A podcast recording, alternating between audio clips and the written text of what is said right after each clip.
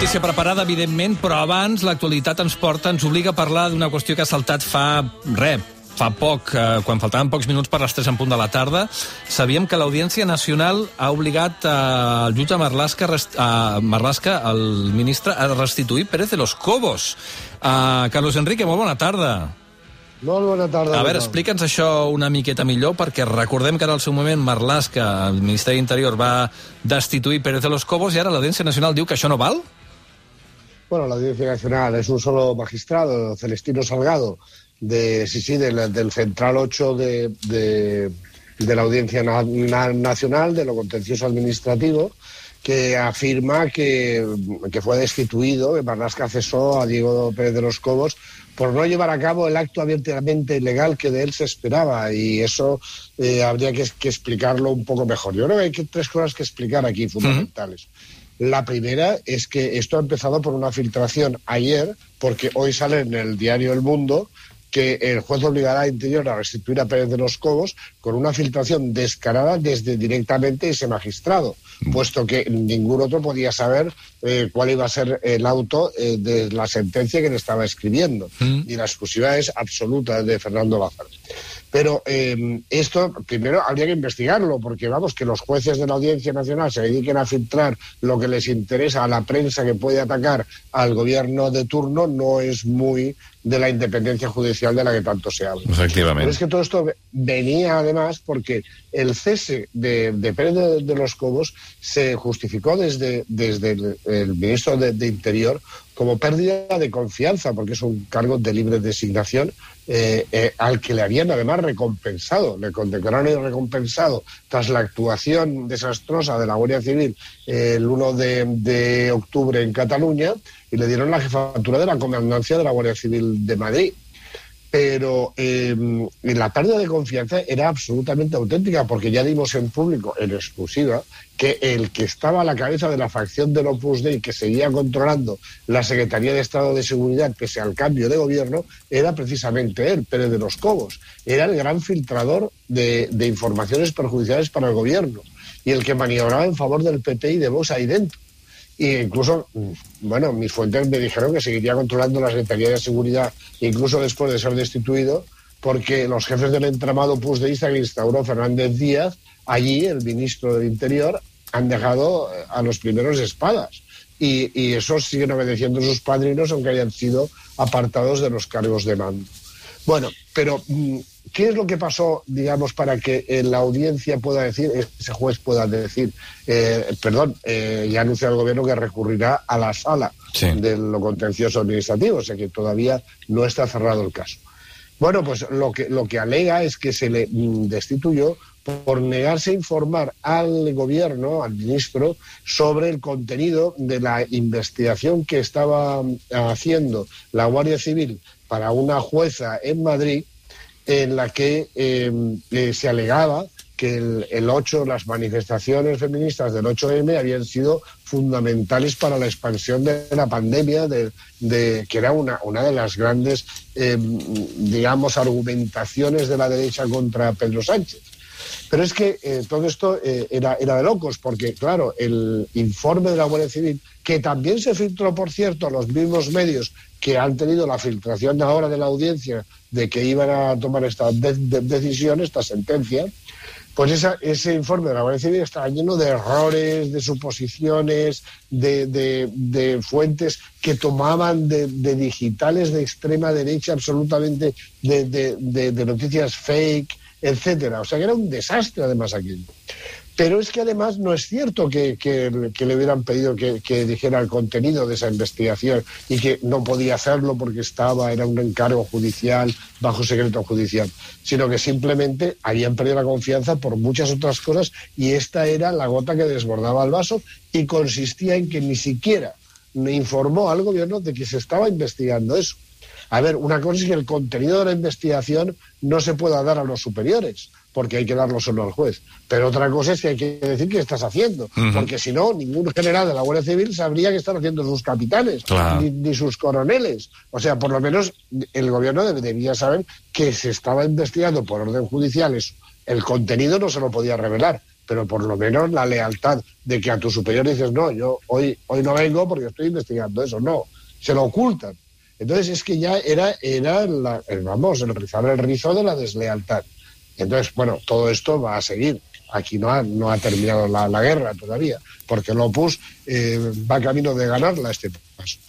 Doncs aquesta era la notícia que saltava fa una, fa una estona que volíem comentar primer, abans de començar amb el tema que teníem preparat avui amb el Carlos Enrique. Recordem-ho, eh? El jutge Celestino Salgado de l'Audiència Nacional obliga el Ministeri d'Interior a restituir a eh, Pérez de los Cobos. De tota manera, d'això no ha quedat tancat encara perquè, com ens explica ara mateix el Carlos Enrique, eh, ja el Ministeri ha dit que interposarà un recurs a través de l'advocacia de l'Estat. Per tant, el tema no ha quedat tancat del tot. El que teníem preparat avui, això sí, és uh, una cosa, uh, Carlos Enrique, que déu nhi eh? Um, sí, sí. Algú s'ha afartat que s'estigui denunciant la presència ultra dins de l'exèrcit, uh, però no s'ha afartat que hi hagi ultras a l'exèrcit, s'ha faltat s'ha afartat que, que s'estigui denunciant. Mm, qui és aquesta persona que s'ha afartat que s'estigui denunciant la presència d'ultras a l'exèrcit i per què ho està fent, Carlos Enrique? És un coronel de l'estat major, no? es que es ese, eh, un coronel que es jefe de inteligencia del mando de operaciones del Ministerio de Defensa, del Estado Mayor de la Defensa, vamos. Es el coronel del aire Luis García Mauriño. Que claro, lo ha hecho a través de una asociación que él mismo fundó y que además eh, declara en LinkedIn que es su gran proyecto y que en estos momentos está volcado en, en esta asociación profesional militar supuestamente, que se llama Tercios Viejos Españoles, y lo que ha hecho ha sido montar una denuncia contra el grupo de denunciantes, alertadores, como se quieran llamar, de, militares, que em, tienen un canal de, Telegram que se llama Ciudadanos de Uniforme y que, bueno, pues denuncian abusos, irregularidades, corruptelas, eh, corrupción y también que eh, cuando ven que hay eh, pues em, militares, sobre todo mandos, claro, de extrema derecha en el interior del ejército. En activo, por supuesto.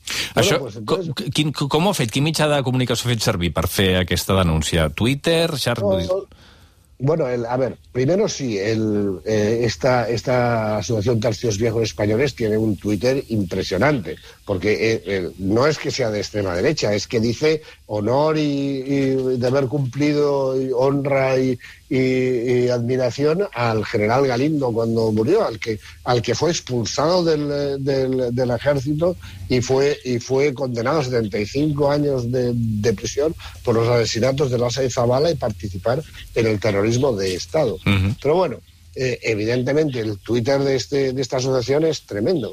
Pero bueno, lo que hace es abrir en GoFundMe, en una, una plataforma de estas de, de recaudación de fondos, uh -huh eh, una denuncia contra cobardes de uniforme, les llama, a los militares que muy a menudo protestan por cosas muy simples, medidas de, de, COVID ineficaces, falta de mascarillas o, vamos, que el rancho es malo. O sea, que, vamos, todos son unos cobardes, unos traidores y bueno, y además los, los, los eh, califica de grupo criminal. Ellos que están honrando la, la memoria del criminal Galindo, sentenciado en firme y expulsado del ejército, dicen que son criminales los militares que hacen unas denuncias.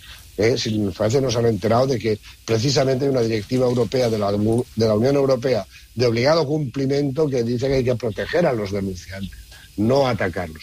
Bueno, pues abre un crowdfunding eh, de estos para recaudar fondos para abogados, para perseguir a, los, a estos denunciantes y, averiguar, pues naturalmente, sus identidades y perseguirlos judicialmente porque eh, han denunciado y revelado cosas como, por ejemplo, las exclusivas últimas de público sobre el capitán del aire Meroño, que es jefe de inteligencia de la base de, de aérea más importante de cazas de, de combate de, española, que participa en acciones de la OTAN en el Báltico y en el Mar Negro. Y, y, y bueno, pues eh, denunciar que es un hitleriano reconocido, que tiene, lo hemos hablado en este programa, que tiene cruces eh, gama, eh, tiene cruces llamadas, no, que tiene la, una cruz de hierro auténtica, original, sí. que, que, que compró en subasta.